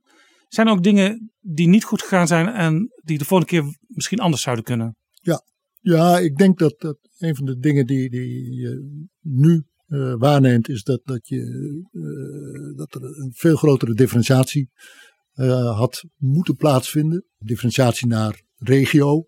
Een andere aanpak in Brabant rond Ja, carnaval dan. Ja, in Groningen. Ja, ja, misschien had je toch, toch eh, Brabant in de lockdown sneller moeten brengen. Eh, en, en in, in Groningen met. Eigenlijk zoals de Chinezen een hele provincie afsloten. Ja, ja, ja. ja, en dan praat je wel over een provincie eh ter grootte van eh, Europa zo ongeveer. Ja, Dus, ja. dat, eh, dat, Maar goed, maar dat, dat, En ook een, een ander regime. een, iets ander regime. ja. Maar, Rutte is geen Xi Jinping. nee, en misschien beter vergelijkbaar met Duitsland, waar, elke, waar elk Bundesland ook een andere aanpak had. Ja, ja, ja, ja. Duitsland weet ik ook niet of ik daar zo, zo enthousiast over ben hoor. Dat, die, die hebben geloof ik ook wel veel geluk gehad en misschien ook met, met eh, hun cijfers eh, iets anders omgesprongen dan wij. Eh, maar die differentiatie, je zag ook dat, dat uiteindelijk ja, toch een, een, een, probleem is voor de oudere bevolking en niet, niet de jongeren. Dus ook in dat opzicht zijn toch misschien die scholen, had, had men niet het politieke besluit moeten nemen, maar ja. het, uh, dat was eigenlijk te veel maatschappelijke druk. Ja, ja. De werd geroepen, doe die scholen dicht, terwijl het niet nodig was. Ja, eigenlijk niet. Maar ik begrijp wel dat het ge- gebeurd is. Het heeft natuurlijk ook, ook uiteindelijk niet zo vreselijk lang eh, geduurd. Een van de aardige dingen van, van deze crisisaanpak is ook dat men niet gedaan heeft wat overheden vaak doen. Dat is eh, in een crisisaanpak blijven zitten. Omdat dat lekker is. Nood breekt wet en je kunt alle kanten op.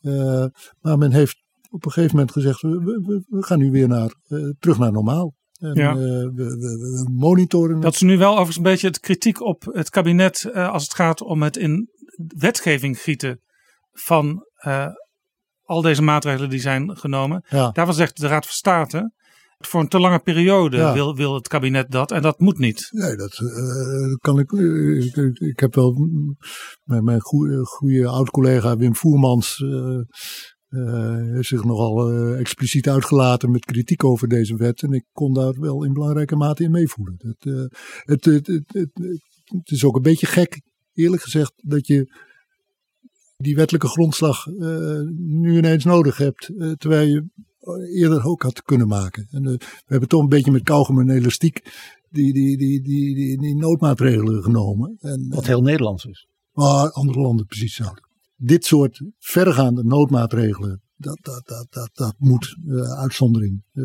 zijn. Dus dat, daar heb je hele specifieke bevoegdheden voor nodig. En moet je ook goed nadenken hoe je dat uitvoert. Ik, een van de fouten vind ik toch wel bijvoorbeeld dat, dat die, die BOA's toch maar een beetje eh, op, op het pad hebben gestuurd. Het begon eh, heel, heel licht. Ik, ik, ik herinner me nog goed een krantenbericht eh, over de eerste week. Er stond eh, dat, dat in Nederland 250 boetes waren uitgedeeld. En in diezelfde week in Frankrijk 390.000. Eh, dus dat, dat, eh, elk land, Etatisme. Eh, elk land krijgt eh, het zoals hij het eh, wil hebben. Maar eh 40% van de opgelegde boetes was op een gegeven moment het verhaal, zijn al op voorhand onrechtmatig verklaard. En een groot deel eh, is de kans behoorlijk dat dat, dat voor de rechter eh, sneuvelt eh, enzovoort. Ja, daar kun je dus echt tot de conclusie trekken, dit is even niet goed gegaan. Dat is niet goed gegaan. Dat, eh, en, en dat krijg je natuurlijk eh, in een situatie dat je niet goed nagedacht hebt over de, de, de uitvoerbaarheid. En ook niet, niet. Nou had je ook geen keus. Er moest al wat.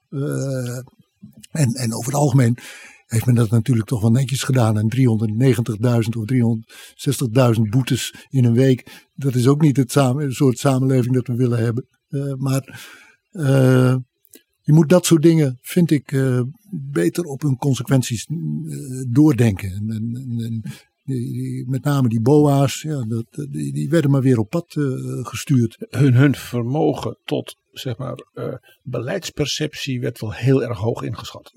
Ja, en, en, en, en, en het, het, het is natuurlijk ook lastig.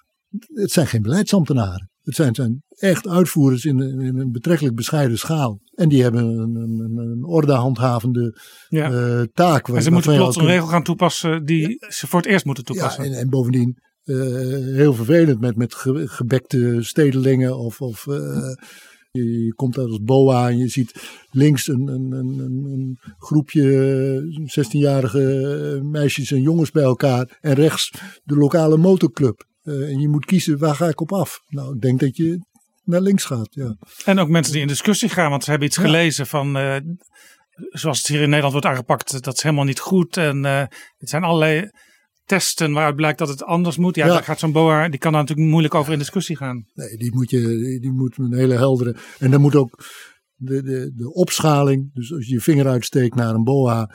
Ja, dan, dan, dan moet je niet voorzichtig aangehouden worden. En dezelfde middag nog weer naar huis. Eh, maar dat, dat, dat moet in de categorie zware misdrijven, bij wijze Ja. van spreken.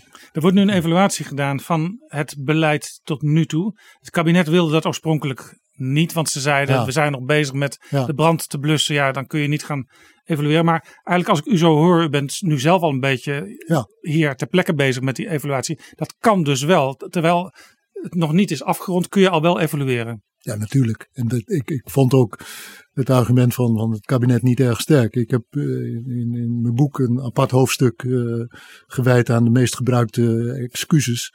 En, dit is er wel één van. Hè? van, van uh, het is nog te vroeg en, en, uh, enzovoort enzovoort. Er speelden natuurlijk allerlei politieke factoren een rol. Zowel bij de voorstanders van de evaluatie als bij de tegenstanders. Uh, het lijkt mij evident dat je zo snel mogelijk tot een oordeel komt. Dat hoort ook bij goed management. Kijk, als een manager van een raffinaderij gaat zeggen van ja, ik, ik ga pas beoordelen of het uh, wel of niet gelukt is uh, wanneer het, het, helemaal klaar is, ja, dan, dan, dan, doe je je werk niet goed. Je, nee. moet bovenop zitten en, en, en informatie verzamelen, dat goed beoordelen. Je moet het ook opengooien. En niet in de vorm van afrekeningen. Nee, nee maar dat, dat, dat, dat, dat krijgt het nu een beetje. Hè. Dat, uh, en dan wordt het over de, de, het grote afrekenmoment van de verkiezingen heen getild. En, en ja, dat is allemaal niet verstandig. Het gebeurt natuurlijk ook niet. Ik kan me niet voorstellen dat het management niet uh, binnen VWS of waar dan ook al uitgebreid in kaart aan het brengen is van wat is er goed gegaan. Ik hoop alleen dat het niet in, in de verdedigingsmodus plaatsvindt. En, dat, en dat, die kans bestaat natuurlijk toch weer. Ik heb, ik heb slot nog één vraag, want u zegt, u, u zei een aantal keren, we zouden wel met wat minder beleid toe kunnen in Nederland. Ja. Nou zie je dat af en toe de rechter op de stoel van de beleidsmaker gaat zitten, omdat er blijkbaar toch ergens geen beleid is gemaakt. De politiek ergert zich daar dan vaak weer ja. aan van de rechter doet iets waar de rechter niet voor is. Hoe kan de politiek of hoe kan het bestuur voorkomen dat die rechter steeds gaat invullen? Nou, ik denk door uh, helderder te zijn in je beleid. Uh, kijk, de rechter in de meeste gevallen corrigeert de overheid omdat uh, het, het figerende beleid getoetst wordt aan internationaal beleid. Dan kun je op die uitspraken, vind ik, heel wat uh, afdingen, maar dat is een beetje het proces. Je ziet dat men daar ja. in Nederland erg uh, moeizaam mee omgaat. Men wil enerzijds graag uh, die, die op, op een hoog abstractieniveau die, die internationale idealen. En dan wordt er een, een verdrag gesloten met, met dat soort dingen. En anderzijds wil men heel concreet uh, maatregelen X, Y en Z. En, en daar zit nogal eens een gat uh, tussen. Je had natuurlijk in een aantal gevallen heel goed uh, wettelijke maatregelen kunnen nemen. Die, die, die, die wat dat betreft wel, wel minder kwetsbaar waren voor de toetsing aan het internationale verdrag. Wat je had bij wijze van spreken, ook als het over klimaat gaat, want dat is dan het belangrijkste ja. voorbeeld. Je had al een aantal algemene beleidsmaatregelen kunnen nemen die je later nader gaat invullen. Ja, dat had gekund. Nou werd daar ook uh, gezegd van ja, die maatregelen zijn onvoldoende uh, in het licht van. Uh, je, je, had, vind ik, en dat is ook helemaal niet, niet zo gek, dat je toch nog eens even kritisch naloopt waar we ons internationaal wel aan gecommitteerd hebben. Want dat is natuurlijk allemaal. Kijk, het internationale verdrag voor de rechten van de mens is niet gesloten door mensen die, die het klimaatbeleid in het achterhoofd nee, zo, zo zagen we in Nederland ineens een enorm probleem met stikstof. We zagen een probleem met PFAS. Ja. En in België, in Duitsland, landen om ons heen, zagen we dat op dat moment niet. helemaal niet. Nee, dat heeft mij ook uh, zeer verbaasd. Dat, uh, uh, en PFAS had nog nooit iemand van gehoord. En heeft inmiddels niemand meer van gehoord, geloof ik. Er is weer een toverformule bedacht. Waardoor het ineens weer weg is. Soms denk ik dat Ruud Lubbers nog leeft hoor. Ja, dit, dit is, uh, maar dit, ja, dit, was een hoogst ongelukkige, denk ik toch, vergissing van, van de staatssecretaris. Om met, met ineens uh, zo'n zo, zo maatregel uh, te komen. Stikstof. Daar, daar heeft men natuurlijk ook geprobeerd om onverenigbare dingen met elkaar te verenigen. En, en dat, dat, dat, dat, dat, is op zich wel aardig van de tegenwoordige tijd. Dat je daar uh, mee tegen de lamp loopt. Begrijp? Wat Nederland natuurlijk ook vaak doet. Dat is wat ze in Brussel zo prachtig goldplating noemen. Ja. Er wordt in Europa een afspraak gemaakt en alle landen gaan dat uitvoeren. Ja. En dan zegt Nederland, de meest extreme variant soms, ja. moet van Brussel. Dan Ja. heeft men dus een legitimatie door Ja, te delegitimeren. Klopt En dan zeggen we, dus wij hebben het niet bedacht. En als je er dan even doorvraagt, Ja. dat komt dus dan vaak voor door bijvoorbeeld slimme jonge medewerkers in het Europees Parlement van die pa- Europarlementariërs. Die zeggen, maar dat is helemaal niet afgesproken. Nee. Dat hebben jullie ervan gemaakt Ja. in Den Haag. Of dat zeggen jullie tegen Ja. de boeren, de Ja. universiteiten. En vervolgens hebben politieke leiders vaak heel En, eh, veel moeite om aan de burgers uit te leggen waarom Europa zo belangrijk is. Ja, ja, ja, ja. ja. En ze geven Europa eerst de schuld. Om vervolgens te moeten vertellen, ja, maar het hoeft Ja, eigenlijk niet. Nederland heeft een, een, een, moeizame verhouding met de Europese gemeenschap. Dat, dat, Nou, dat- vooral ook met de eigen manier van omgang. Ja, ja, ja. En met, je kunt ook zeggen van ja, je, je bent ook klein, dus je, je, je moet je maar een beetje aanpassen. Ja, dat is helemaal niet waar. U weet dat Nederland in Europa natuurlijk helemaal niet klein is. Nee, en, en niet onbelangrijk, maar eh, we, zijn, we gaan er toch niet handig. eh, Kijk, de, de, de, de Europese manier van beleidsvormen is een, een wezenlijk andere manier dan, dan wat wij graag willen. Eh, en de manier waarop wij het doen. En wij denken nog steeds dat dat de fout is van Europa. eh, en dat ze zich moeten voegen in onze manier van, van beleid ontwikkelen. En, Wij en- zijn subliem, Ja. tenslotte. ja, eh, Al vanaf is- de 16e eeuw. dat is een beetje wat in, in het boek natuurlijk ook tussen de regels door. eh, we, we hebben iets te hoog pet op van onszelf. eh, denken dat we echt het beste zijn. En, en we zijn wel goed, eh, maar anderen zijn ook goed. eh, en ons leervermogen is, is niet optimaal. Kortom, nodig is dat we als overheid minder haast betrachten, wat minder beleid in gang zetten. Daardoor, daarvoor is het ook nuttig wat, dat we wat minder beleidsambtenaren hebben. We moeten beter letten op de uitvoerbaarheid. En we moeten ook een beetje leren van wat ze in de rest van Europa doen. Ietsje minder eigenwaan zou ook goed zijn. Ja. En als we echt willen leren, als luisteraar van betrouwbare bronnen, dan is het nuttig, misschien wel noodzakelijk om dat boek te lezen. Roel Becker, dat had niet zo gemoeten. Fouten en falen van de overheid onder het vergrootglas. Uitgegeven door Boom Bestuurskunde. Roel Becker mag ik u hartelijk danken voor dit gesprek. Graag gedaan.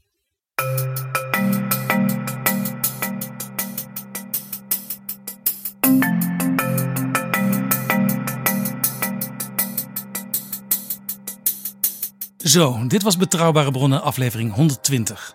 Deze aflevering is mede mogelijk gemaakt door We Nederland en door donaties van luisteraars. Wil je Betrouwbare Bronnen mede mogelijk maken? Ga dan naar vriendvandeshow.nl/slash bb. Daar kun je ook reageren op deze en andere afleveringen. Overweeg je Betrouwbare Bronnen te sponsoren of in deze podcast te adverteren? Stuur dan een mailtje aan Flip Kilian Adams, dat is flipapenstaart dagennacht.nl. Tot de volgende keer. Betrouwbare bronnen wordt gemaakt door Jaap Jansen in samenwerking met dag en nacht.nl.